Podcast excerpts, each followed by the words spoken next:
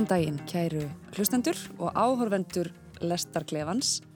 Við erum velkomin í þann fyrsta þessa sumars, 2019. Fyrsti sumandagur í gær og mér finnst gaman að sveipa allt svolítum svona svolítið sumar slikju ef hægt er þótt að veðrið bendi kannski til annars. Það ekki svona aðra tilfinningar innra með okkur. En sumar er náttúrulega bara hugarástand eins og einhver saði. Hér eru komnir þrýr sumarleir farþegar. Það eru þau Marja Elisabeth Bragadóttir, pislahöfundur og skáld, Leifur Ímir Eyjólfsson, myndlistar og tónlistamæður og Birgir Blær Ingólfsson, rétthöfundur, handritshöfundur, frettamæður og líka tónlistamæður. Mm -hmm, ég reyni. Margir til þar. Verðið all velkomin í Lestarklefa. Takk fyrir það. Takk. Þið stóði ströngu í vikunni. Þið sóttuð viðburði bókmyndaháttíðar í Reykjavík sem er nýhafinn. Horðuð á heimildarmynd Beyoncé sem nefnist Homecoming og sínd á Netflix og hlustuð á útvarpsleikritið Soul og við ætlum að þræða okkur í gegnum þessa þrjá menningar viðburði á næsta klukkutímanum. Hefnst handa við bókmyndaháttíð. Hún var sett í 14. sinn í fyrra dag, stendur til 27. apríl og það eru ótal margir viðburðir, eðlis ólíkir þessu, þessari háttíð og bókinni sem slíkri að fagna þarna á fjölbreyttan hátt og ykkur var sett fyrir að sækja viðburða eigin vali. Birki Blær, hvernig nálgæðist þú þetta? Um, ég, sko, ég var mjög spenntur, mér finnst þetta mjög spennandi. Um, ég var bara daldi upptekin í vikunni þannig að ég komst bara á einn viðburð. Ég fyldist svolítið með sko hérna reyndar bara beinum útsendingum á Facebook og eitthvað svona líka hérna en ekkert sérstaklega mikið. Og lasa þessum mynda og hlusta á viðtölum mynda en svo komst ég á einn viðbröð í dag og það var höfundaspjall. Mm. e, þar sem að voru komnir sko tveir höfundar e, og voru bara að spjalla saman undir sko stjórn svona fundastjórnenda e, Já, mér langar bara að skjóta inn að mér langaði að mjög mikið að fara á einhver svona upplestrakvöld líka en ég bara náði því ekki alveg. Mm. Mm. Það er ekki alltaf von úti enn. Nei. Hún stendur til 2007. Já, nákvæmlega. Ég gæti náði Já, en segð okkur frá þessum, þessum viðbyrði þessum um, Sko mér fannst þetta alveg áhugavert. Mér, sko, satt best að segja fannst mér þessi og þar með er ég ekki að segja neitt um alla hátíðina og hún er mjög spennandi og allt það en þessi viðbröður fannst mér ekkert sérstaklega spennandi mér fannst það svolítið skrítin mm.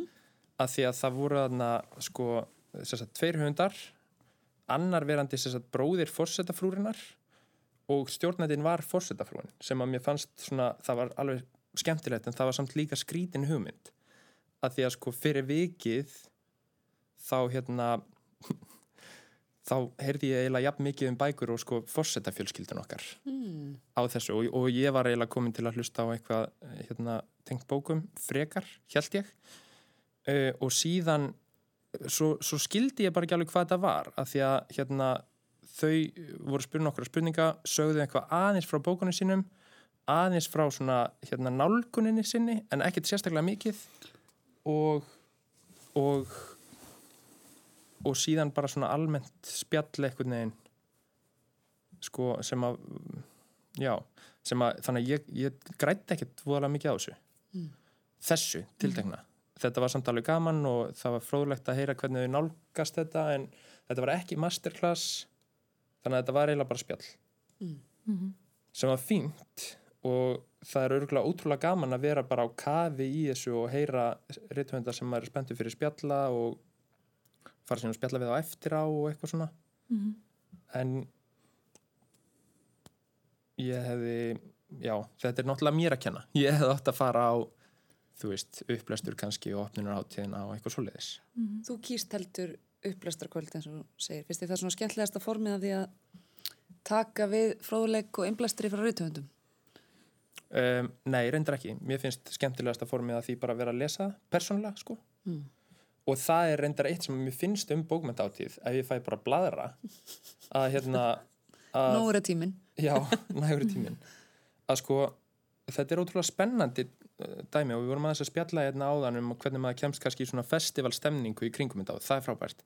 En að lesa bókmyndir er fyrir mig persónulega, svo persónulega upplifun. Mm. það er eitthvað sem að ég vil eiginlega bara gera einn og ég fer mjög djúft inn í hausun á mér þegar ég gera það og það er það sem ég fæ frá bókmentum þannig að maður veldi fyrir sér sko til hvers er bókmentaháttíð og ég sko fyrir mig veit ekki alveg svarið.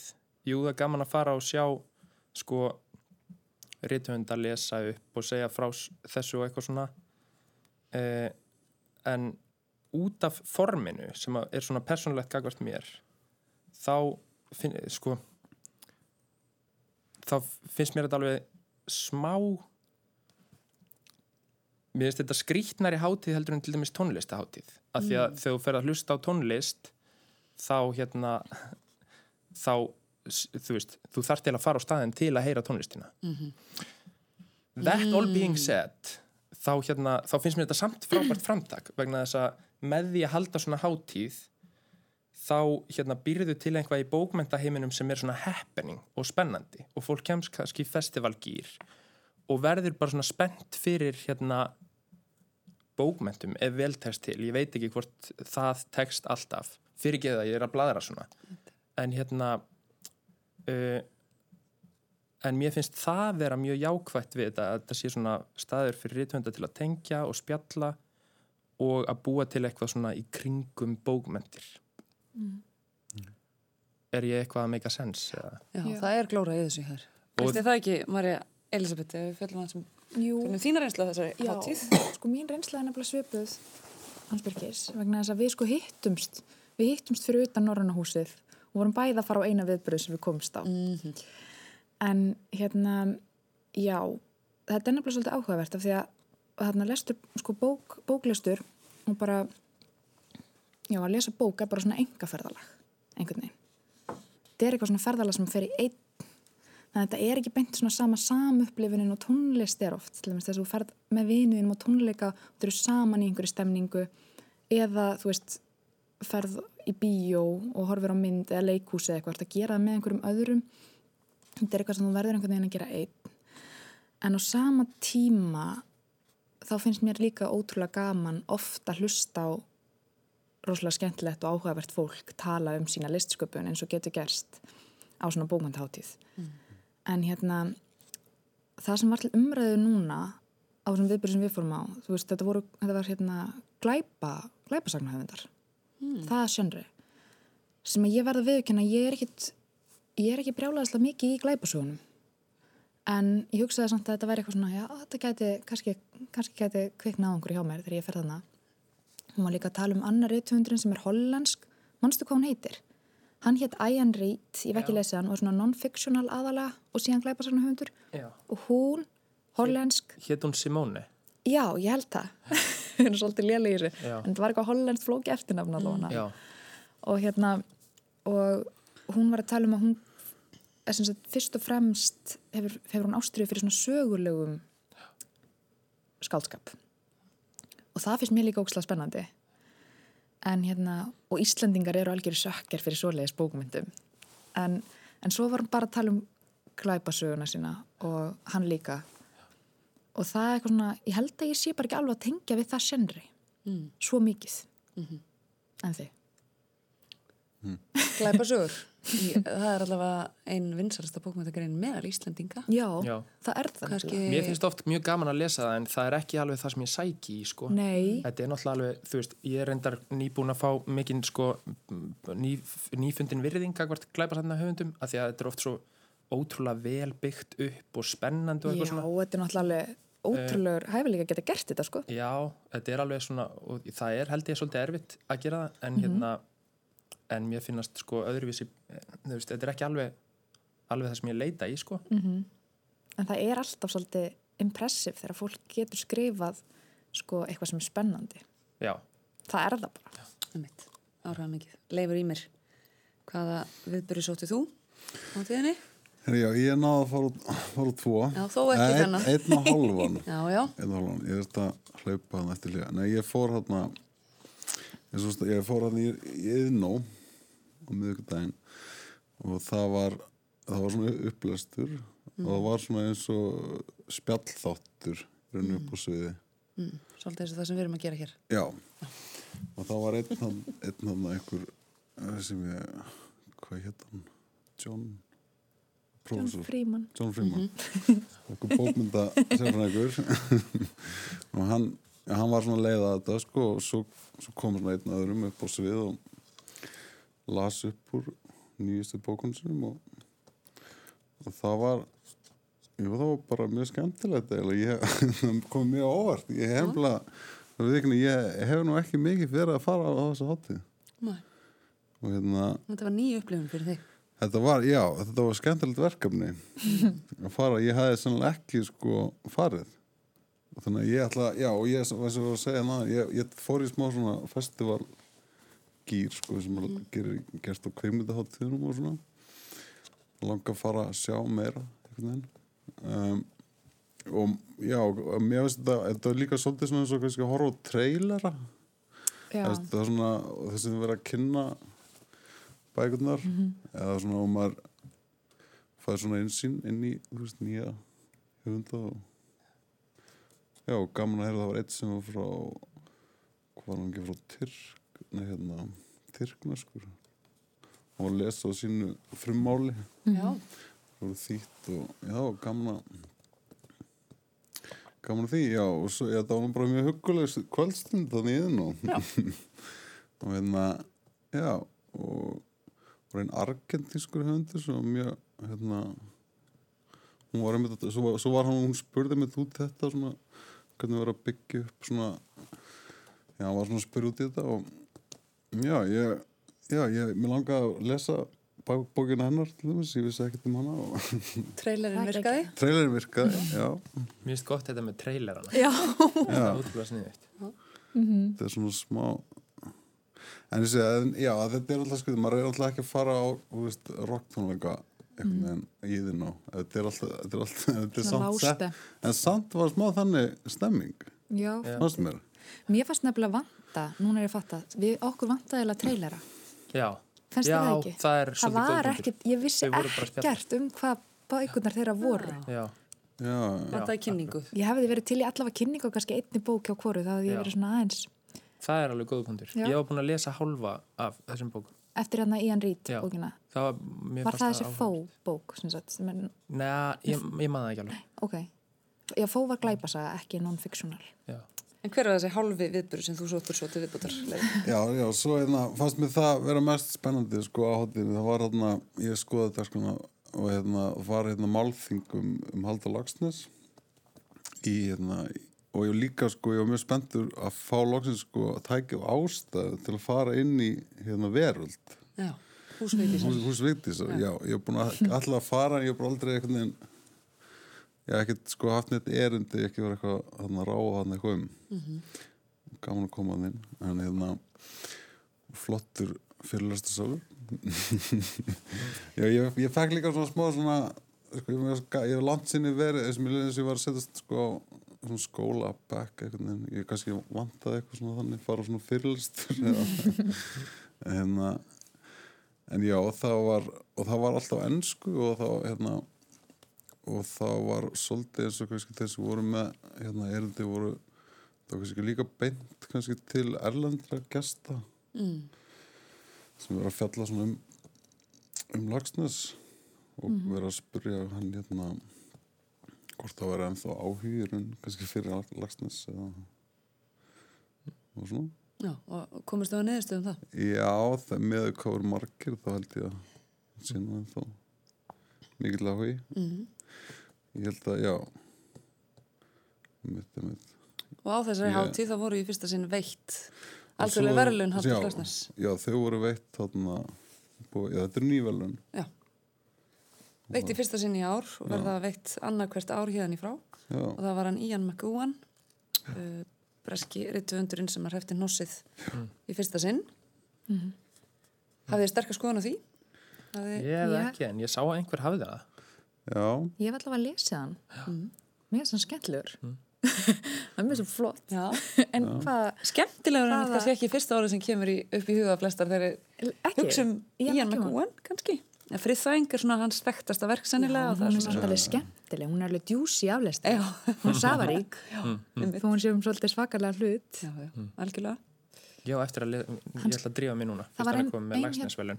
Já, það var ein þýtt þýtt bók eftir, eða svona þýtt yfir á íslensku fyrir bara eitthvað ári síðan sem heitir Hnótskurð hún var sko, það er ekki hægt annað en að segja að hún hafi alltaf verið svona skemmtileg og hún fjallar sko, hún er öll sögð út frá sjónarhóli fósturs. Já, Já, já, bara fóstur að tala úr hérna leiði móðusunar einmitt. Þannig er verið að fara frumlega leiður. já, það er komið tími til að fósturinn fái rödd. Já, einmitt. Já, það er svona rödd. hérna, en mér langar svo að segja þetta því að ég, hérna, mér langar svo að segja þetta jákvætt um bókmyndátti líka.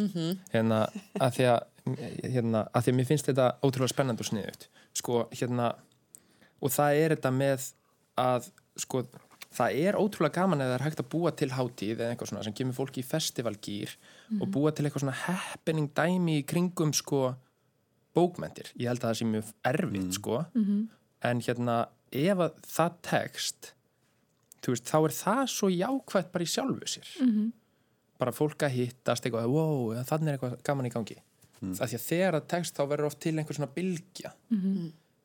Er ekki kannski þessi mótsög sem þú bendir á, Birki Blær og þau bæði, um, hversu einmannalegt starf rithöfundurins er megnið af árinu, sitja þær einsemt og skrifa bækur, síðan er þess krafist af þeim í jólabókavertíð í takmarkaðan tíma á, á hverju ári að þeir séu einhvern veginn út um allt og séu svona súper félagslindir, mæti í viðtöl og eigi uh, samtölum sína bókmentir út um alla trissur.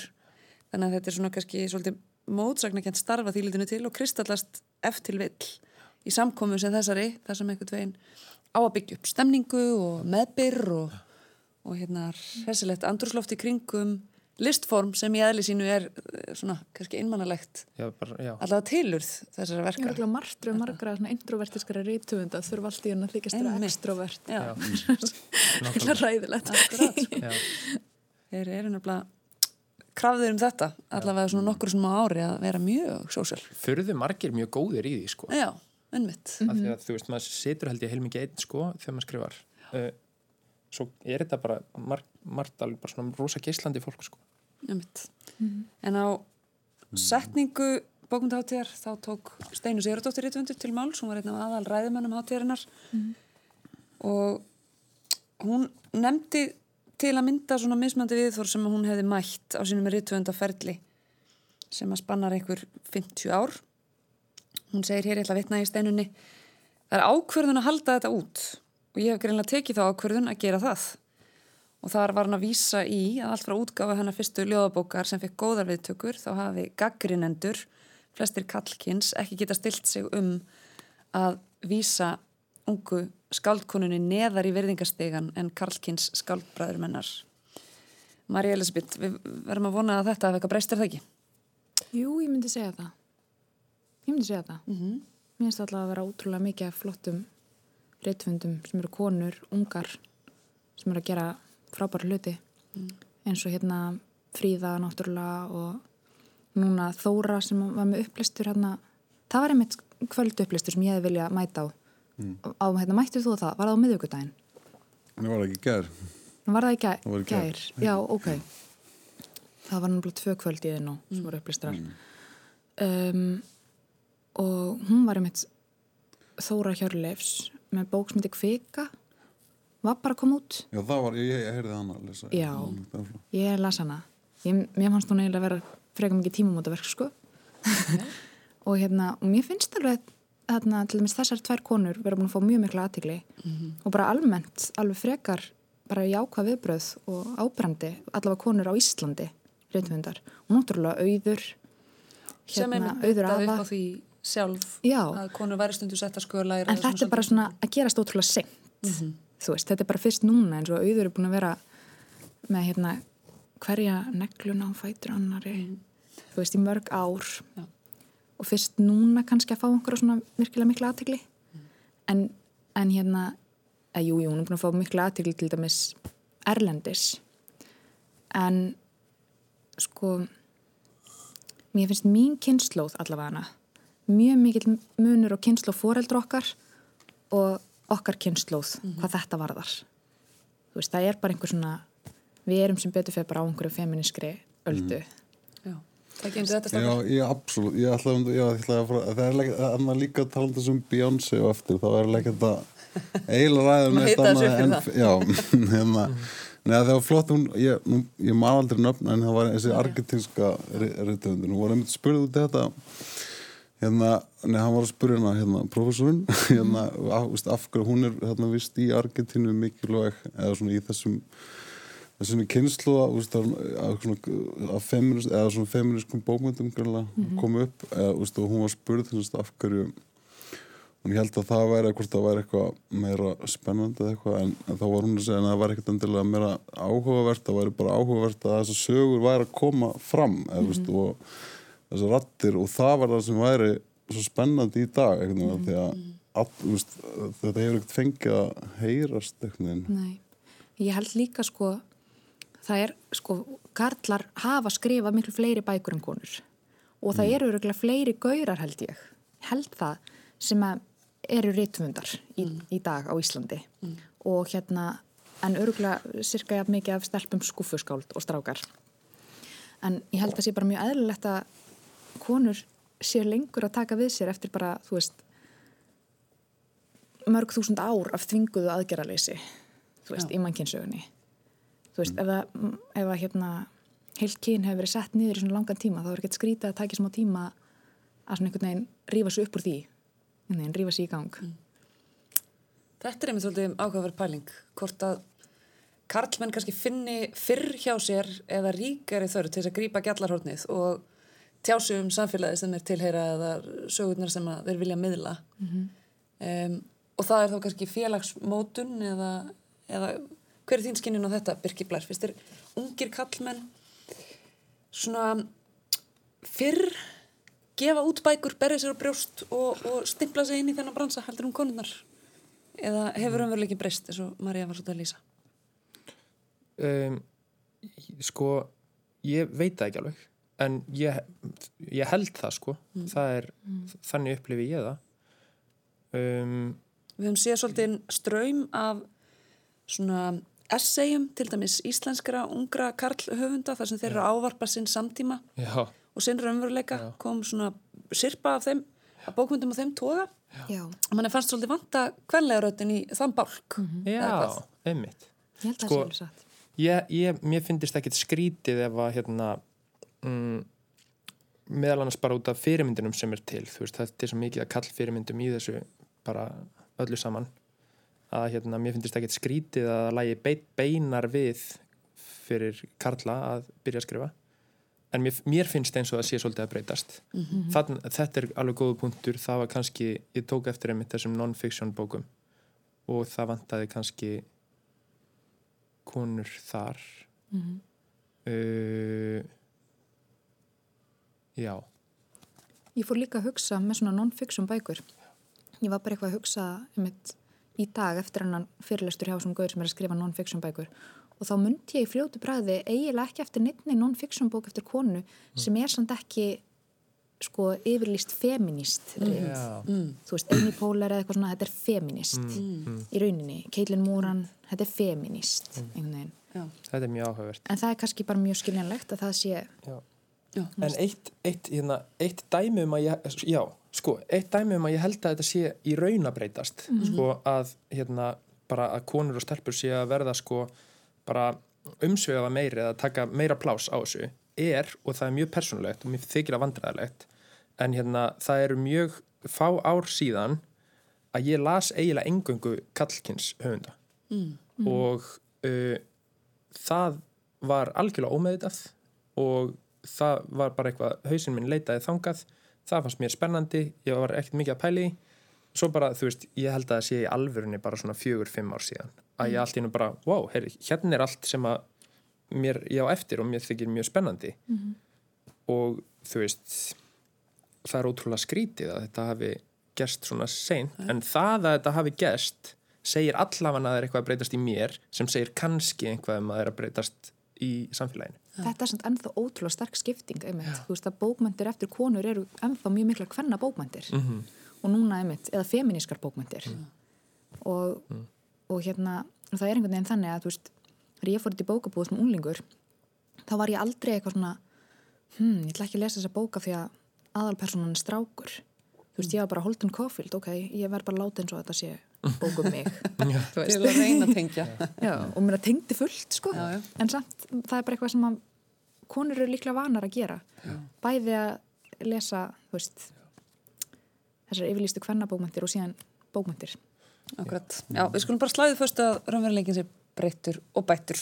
Já, að því sem var og á þeim svona óljósu feminísku nótum skulum við ferja okkur yfir í næsta sálm. Það er heimildamyndin Homecoming tónlistakoninni Beyoncé sem að þarf ekki að kynna fyrir nokkur einasta manni. Hún er, ég leiði mér að fullir að stærsti pop tónlistamæður samtímas lang stærst af öllum og hefur einhvern veginn haldið því sæti í dágóðan tíma, mörg ár áratugu jafnvel. Þetta er svona einhvers konar heimildamind í bland við tónleika upptöku af Coachella tónlistarháttíðinni í fyrra og þessi performance hennar var merkingar hlaðin, þetta var svona eila hún var snúin aftur eftir að hafa eignast tvíbura auk þess sem að þetta tilefni var nýtt til að koma framfæri skilabóðum um menningu bandarískra blökkumanna með líka sögulegri skýrskotun og svona vekja sérstaklega aðtegli á listgreinum og listrætni tjáningu fólks að þeim uppruna.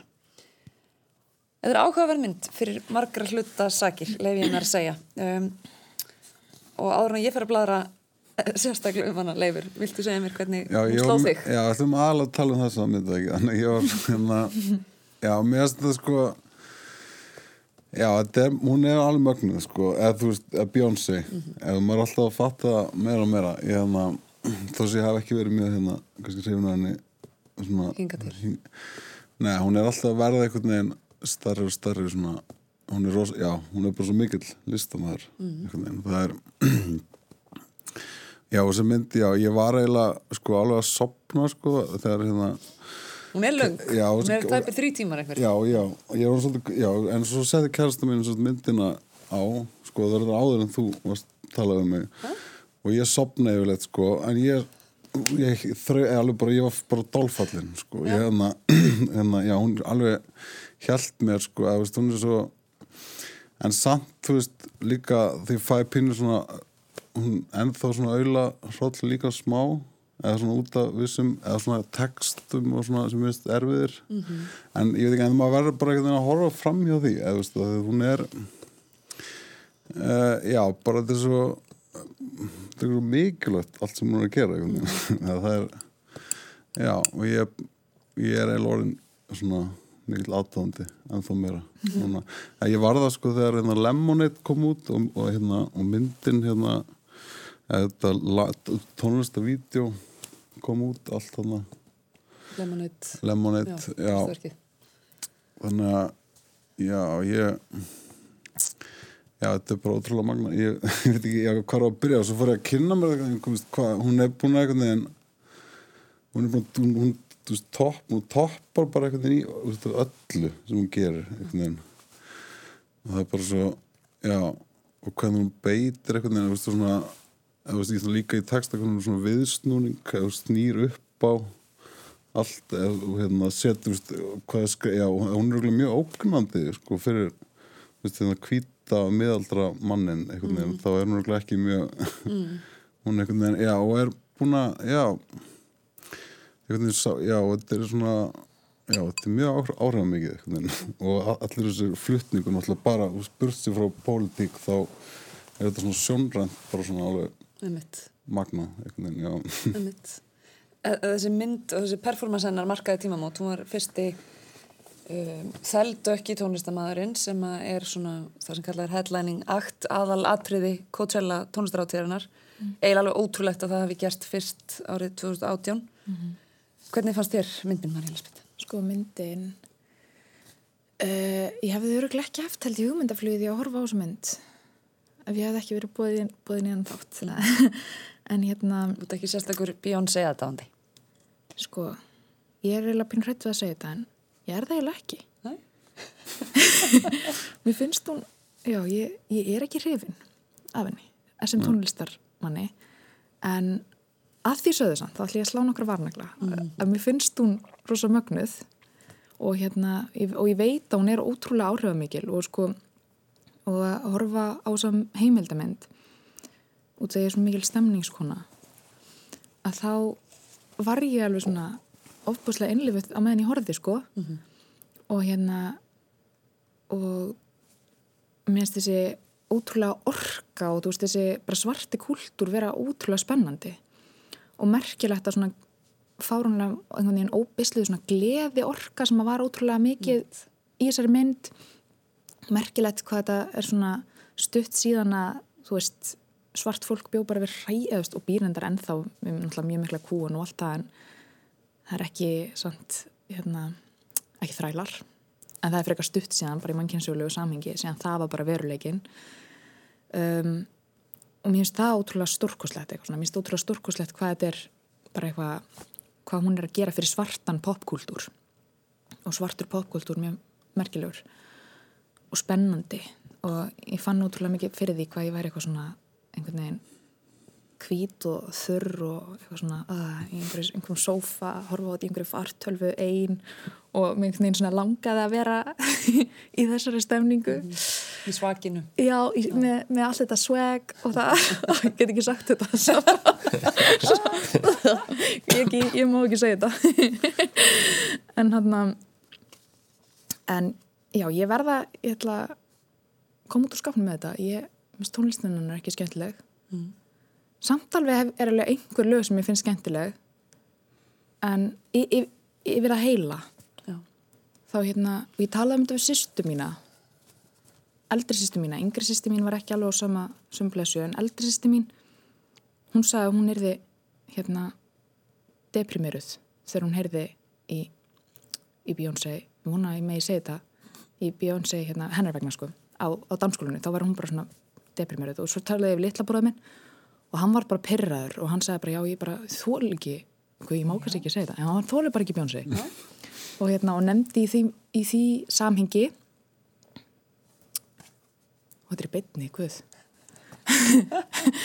hérna í því samhengi svona kannski sagðan ekki, kannski sagðan ekki ég þóldi ekki, já, kannski, kannski sagðan ekki ég þóldi ekki, kannski er ég íkja ég er að taka djúft í árunni en hann nefndi því samhengi eitthvað með hérna sweatshops hefur þið heyrt eitthvað um það?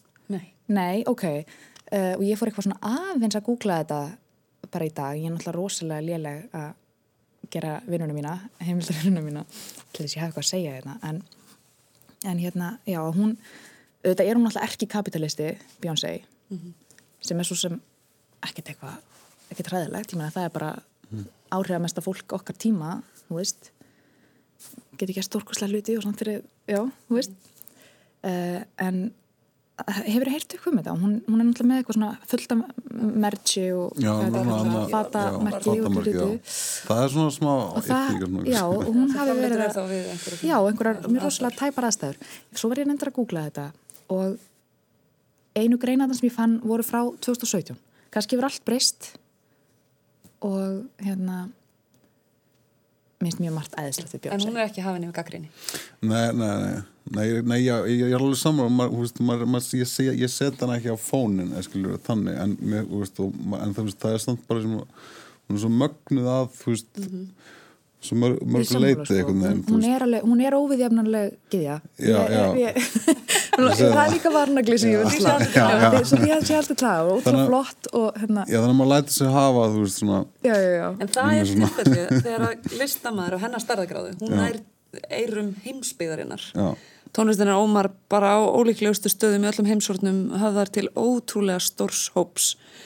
Og þá er kannski áhugavert mm -hmm. hvaða pólitíska umfyllunarefni hún kýsa að tækla og hvernig hún gerir það mm. af því hún er að miðla bóðskap sem að enginn heimsins fréttastofa hefur á sínu færi að miðla hún er til mhm. hópa sem að kannski enginn góðgerasamtök eða þeir sem berast fyrir einhvers konar réttindum mm. ná, þannig að það er áhugavert að rína í hvaða áherslur hún setur í sína tónlist og sína miðlun og mm. það er lögð mikil áherslu á það, Birkir Blæri þessari mynd að vefa inn í tilvittnunum í svarta heimsbygginga hugsuði, riðtöfunda feminista og það, það er gæðvægt, mér langar að segja það. Það, já, það er vittnað í Vert Dubois Nina Simone, Toni Morrison, Reginald Lewis Maya Angelou og fleiri. Og þetta er einhvern veginn, þessu er plantað svona innanmittli þess að maður sé Beyoncé svolítið hrist á sér rassin og hafa gaman. Mm. og bara búa til gott parti á Coachella mm. listaháttíðinni og jafnvel flytja sönglaða texta sem eru misvísandi eða kannski svona Já, einhverju getur tólkað sem andfeminiska. Hvernig sló þetta þig, Birkir Blær? Uh, sko þetta sko þetta trublaði mig ekki mm.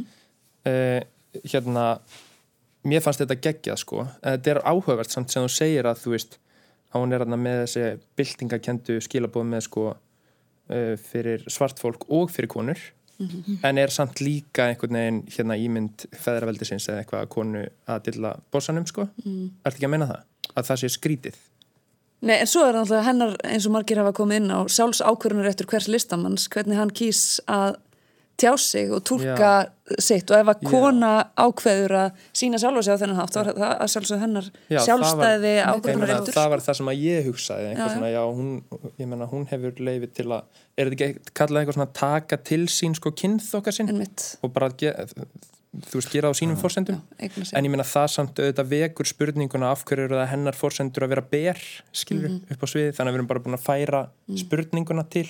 Ennmitt. það er mjög erfitt dæmi sko. Já en ég minna, sko, ég ákvaði þetta ætlaði ekki að trubla mig, sko. Já. og mér fannst þetta bara ég var hérna alveg mér fannst þetta ógeðslega skemmtilegt, sko. Ég verða, ég verða koma inn á það, mér finnst þetta svo skrítið af því að ég er mikill aðdáðandi konunar, hefur verið frá badnæskuna mótandi áhrif á mína mm, tónlistar hlustun og, og, og texta kannski skinnjuna einhver leiti mm -hmm. mér finnst erfitt að sjá konu sem að er orðin svona kannski feminísk tákmynd og það er mm. eiginlega óhjákvæmilegt að líta á verk eins og þetta mm. með feminískum glerugum eftir útgáfu Lemonade sem þótti vera bara mjög veglegt og bitastætt innlegg inn í feminíska hugmyndafræði mm. Þannig að þar með hann búin að slá tónin og getur ekki svona fjarlægt sig úr hann með einhverju leiti en síðan heyri ég hann að syngja ég ætla að koma til, tilvitanir hér sem að ég ekki hósaði niður. Mm -hmm. I just want to be the girl you like. Ég vil bara vera svo stúlka sem þér líkar. Bow Down Bitches þar sem hún er að tala með skipandi hætti til kynnsistra sinna og skipar þeim að neyja sig fyrir henni og hennar yfirbyrðum mm -hmm. um, og síðan er einn svona kannski áhrifamesta tilvittnunin á Lemonade plötunni er uh, tilvittnun sem hefst á orðunum As women we are taught to shrink ourselves Já. og þar sem hún er að ávarpa þá staðirind að samtíma konum er kannski svolítið svona uppálagt að smækka sig í öllum skilningi uh, svelta sig, grenna sig taka lítið plás mm -hmm. uh, tala inn í sig og, og láta lítið fyrir sér fara og svo í næstu andra á þá er Bíón segja að lýsa því hvernig hún neytaði sér um brauð, kolvetni, sigur, áfengi mm. og Já, þar fram til göttunum til þess að megra sig. Mm -hmm. þannig að þetta eru held ég misvisandi skilaboð. -hmm. ruggla einhverja í rýminu en ekki þig Birkir Sko, hérna þetta er ótrúlega góða punktur. Uh, ég á, sko, þegar ég settist niður og fór að horfa, þá hugsaði ég með mér að því að ég er ekkert eitthvað rosalegur bíón, eða hef ekki verið, mikill bíóns í aðdáðandi mm. þá hugsaði ég með mér eitthvað svona já, já, nú ætla ég að vera gaggrín og neikvæður og svo byrjaði hérna myndin og hér, ég veit ekki hvort að ég er eitthvað sérstaklega hrifnað mér þess að dana, en mér fannst bara allt ógesla flott mm -hmm. og dætt bara inn í eitthvað svona mm -hmm. kvolp Já, ég var eignast kvolp, já, það er sennilega það en þú veist, ég er svona brassbandsökker og mér fannst sko hérna, sjóið alveg ógæsla fallegt. Mm. uh, en sko en ég held samt í þetta eitthvað já, ég ætla að reyna að vera neikvæður mm, ég reyndi það líka sko, en svo bara þú veist, ég gata ekki sko. Bræðir úr ykkur kalgá en, en, sko, en, en þú veist, ég er alveg með punkt sem að sko gæti haldist í hendur við þetta sem þú varst að segja. Mm. ef við ætlum að reyna að vera neikvæð mm. og cynical, sem er alltaf ágæð eða gaggrínin allavega.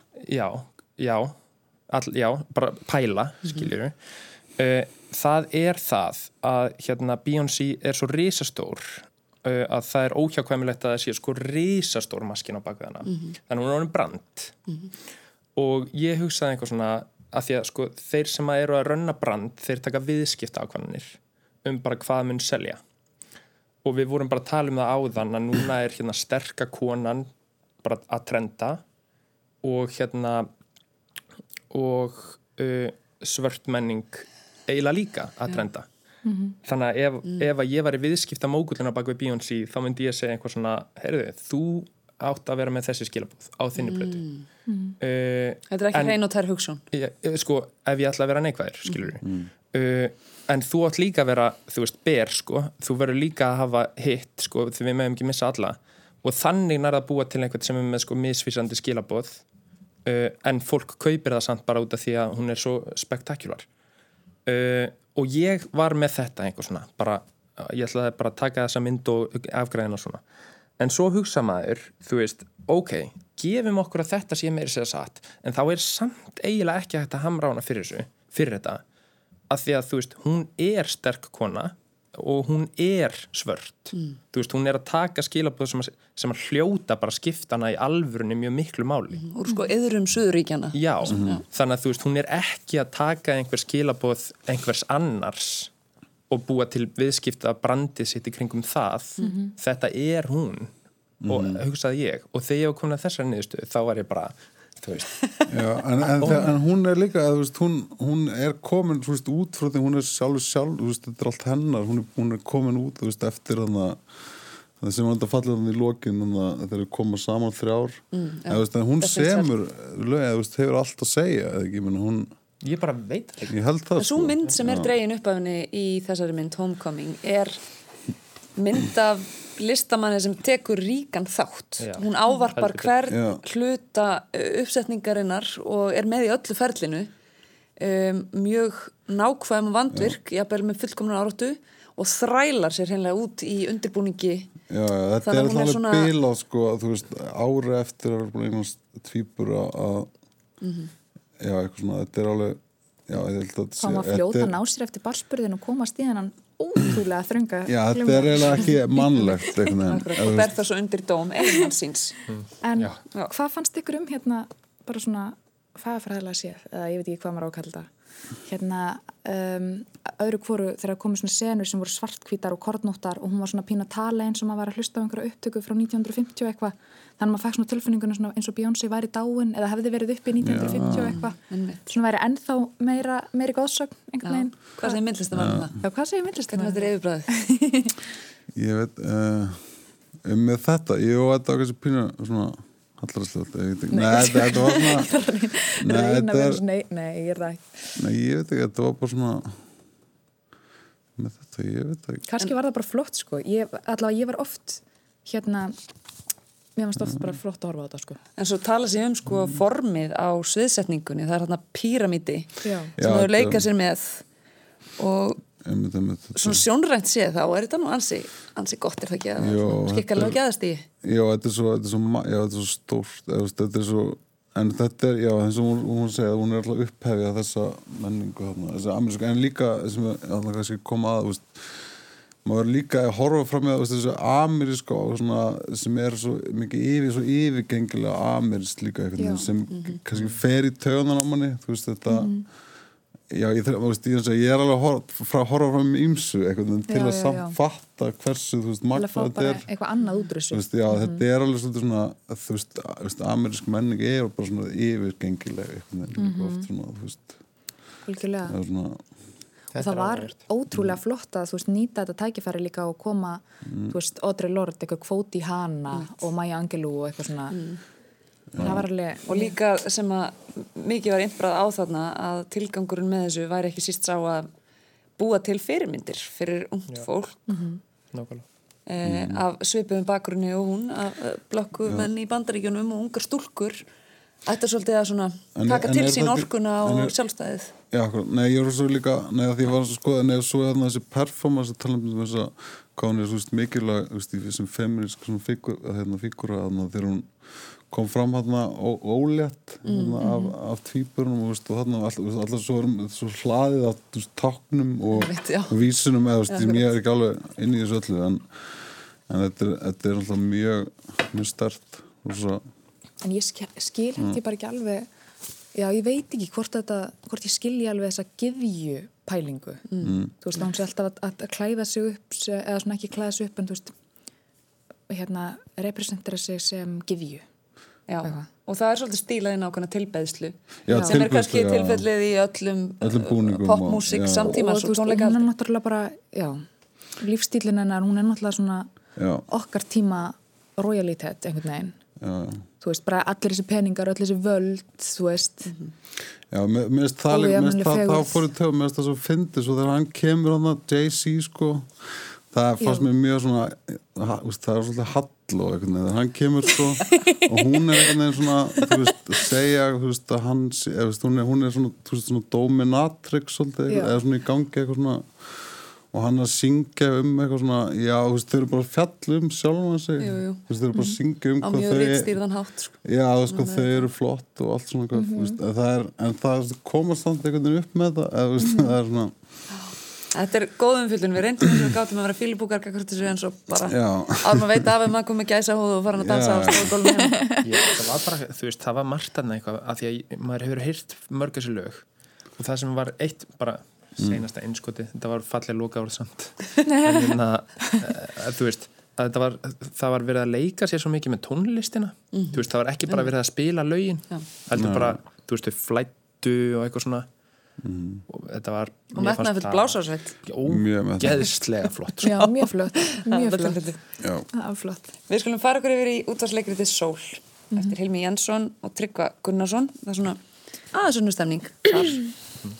E, þetta verk fjallar um ungan mann, hann Davíð, sem að hverfur inn í heim tölvuleikja einangrast og verður ástfangin af tölvuleikja personinni Sól. Þetta var páskaleikrit útvarsleikusins og byggir á leikriti sem var sýnt í Tjarnabíói árið 2017. Og Þetta er samstagsverkefni útvarsleikusins og leikhópsins Sómi þjóðar. Þetta er í fjórum þáttum svona nútímalegt í þeim skilningi að þetta fjallað um, um kannski efni sem hefur ratað gerðan í frettatíma og svona uh, samtíma umræðu að undaförnu sem eru ungi kallmenn sem að eina á grast í tölvuleikjum og ég vil verða háðir þeim. Það er ávarpað með ríkulegum hætti í þessu verki en líka bara spurningin um ástina og hvort sé hægt að verða ástfangin af stafræðni personu og svona ímislegt sem þannig er fjallað um.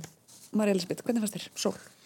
Já, sko uh, Fyrstulegi, þá hef ég hlusta rosalega lítið á útvarsleikrit En ég fattaði þegar ég var að hlusta á þetta bara Vá hvað útvarsleikrit getur verið ótrúlega skemmtlegt konsept Spennandi dæmi Og ég hérna Ég hlustaði bara, ég láta allt á einum degi Ég sko lifi bíljósum lífstíl Þannig að ég hef alltaf nógan tíma til að hlusta á eitthvað Þegar ég er að fara með til staða Og hérna Og mér fannst bara efnið, úst, efniviðurinn hérna um, tölvuleikja fíkn og bara, þú veist, þessi tölvu veruleiki vera mjög spennandi.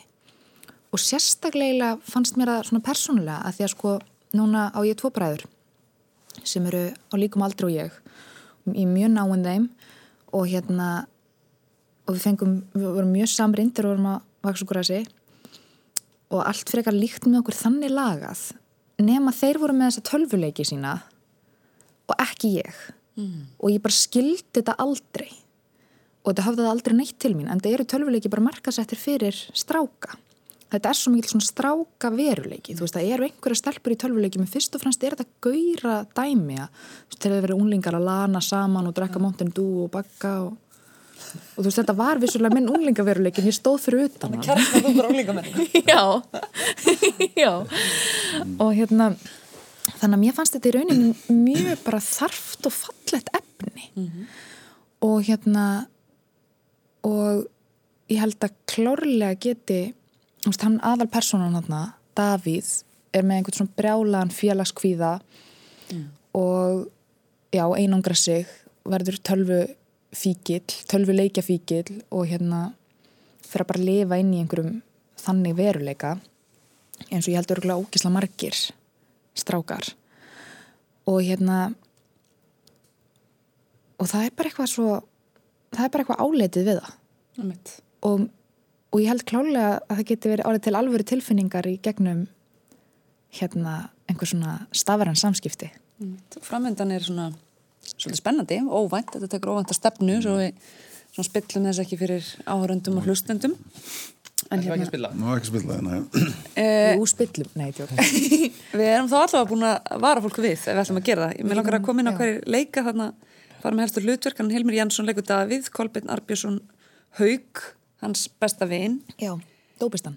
Já, Ásgeir uh, leikur Ævar Þór Benediktsson og Solveig Guðmundsdóttir leikur Solveigu sem er svona eila svona uh, sögu maður, ef segja má svo.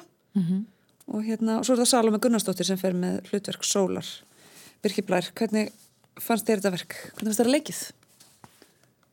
bara mjög vel sko. Mm. mér erst já, já, ég get bara afgreitt það þannig sko. Eh, það var mjög flott. Samfærandi af allra hálfur já, var það ekki bara? Mér fannst það. Uh, Algjörlega. Og mér fannst verkið bara sko aftur, ég er eitthvað hrifnæmur þess að dana, ég satt bara með hrottlarna og ég fjóraða þætti einhvern veginn. Uh, að hlusta. Eftir, hana, eftir að þetta tekur þetta twist. Uh, ég hérna mér finnst, mér finnst mjög áhugavert að velta upp bara pæla í mörgu. Á, ég segja bara eitthvað af því eða bara allt af því eða Hvað sem er? Hvað Ok. kemur yfir þig? uh, þú veist, mér finnst þetta mjög vel hefnað og, ótrúlega fallegt, þetta snerti mig djúft og ég var djúft hugsi eftir þetta. Mér fannst uh, mér fannst eitt skrítið sem var akkurat það sem að þú uh, bendir á þegar þú varst að segja hver Solveig var, sko hver var Solveig? Var hún sálfræðingur?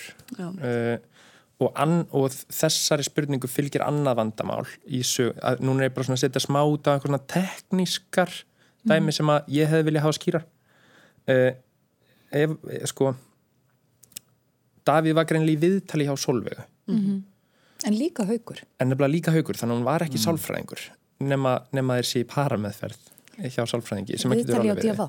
Ha? Viðtali á DFF. Já, mögulega, en það sem var merkilegt var að haugur var, nei, Davíð hann var svo einlægur og svo opinskar gagvart Solveigu sem að sko persóna á þessum stað er ekki fyrir að hún er bara búin að náttúrulega miklum bata Einmitt. Uh, þannig að hún hlýtur að hafa verið sálfræðingur og það myndi kannski skýra það En, það var svolítið látin að halda í byrjun og hún var eitthvað kannski lauruglumæður Já. eða yfirreystlur. uh, og hérna það hefði kannski verið skemmtilegt að bara gera þróun í það að fyrst væri hann að blekja og mann myndi fatta með henni hversu alvarlegt þetta var. Og svo myndi hann finna það líka mögulega, ég segi svona, en þetta vakti mig til umhugsunar. Uh, annað sem að vakti mig til umhugsunar var hérna uh, uh, var sko þetta eru þrjár sögur Við erum að brenna út tíma já, Já. ok sem er leiðilegt. Já, við förum bara í stræt og Já. spjöllum það. Þetta skildi svolítið eftir hjá manni hugmyndunum það að tölvuleiki séu ekki alls læmur. Nei, nei, nei, mér finnst það að hann var alltaf að tala um hérna, þú veist, akkur má hann ekki bara vera í sínum heimi. Mér finnst það svolítið svona umhverfsumvert, eða svona, þú veist, það er, og hann, hann að vinur hans, hann var ekkert, eitthvað endilega, þú veist, hann var ekkert í, Á betri stað þótt hann leti að vera. sínum veruleika sem var kannski ekkert. Ég þakka ykkur kjærlega fyrir þessa skemmtilegu lestaferð mín kæru. Mér langaði að tala meira um þetta. Mér langaði að tala meira með Já.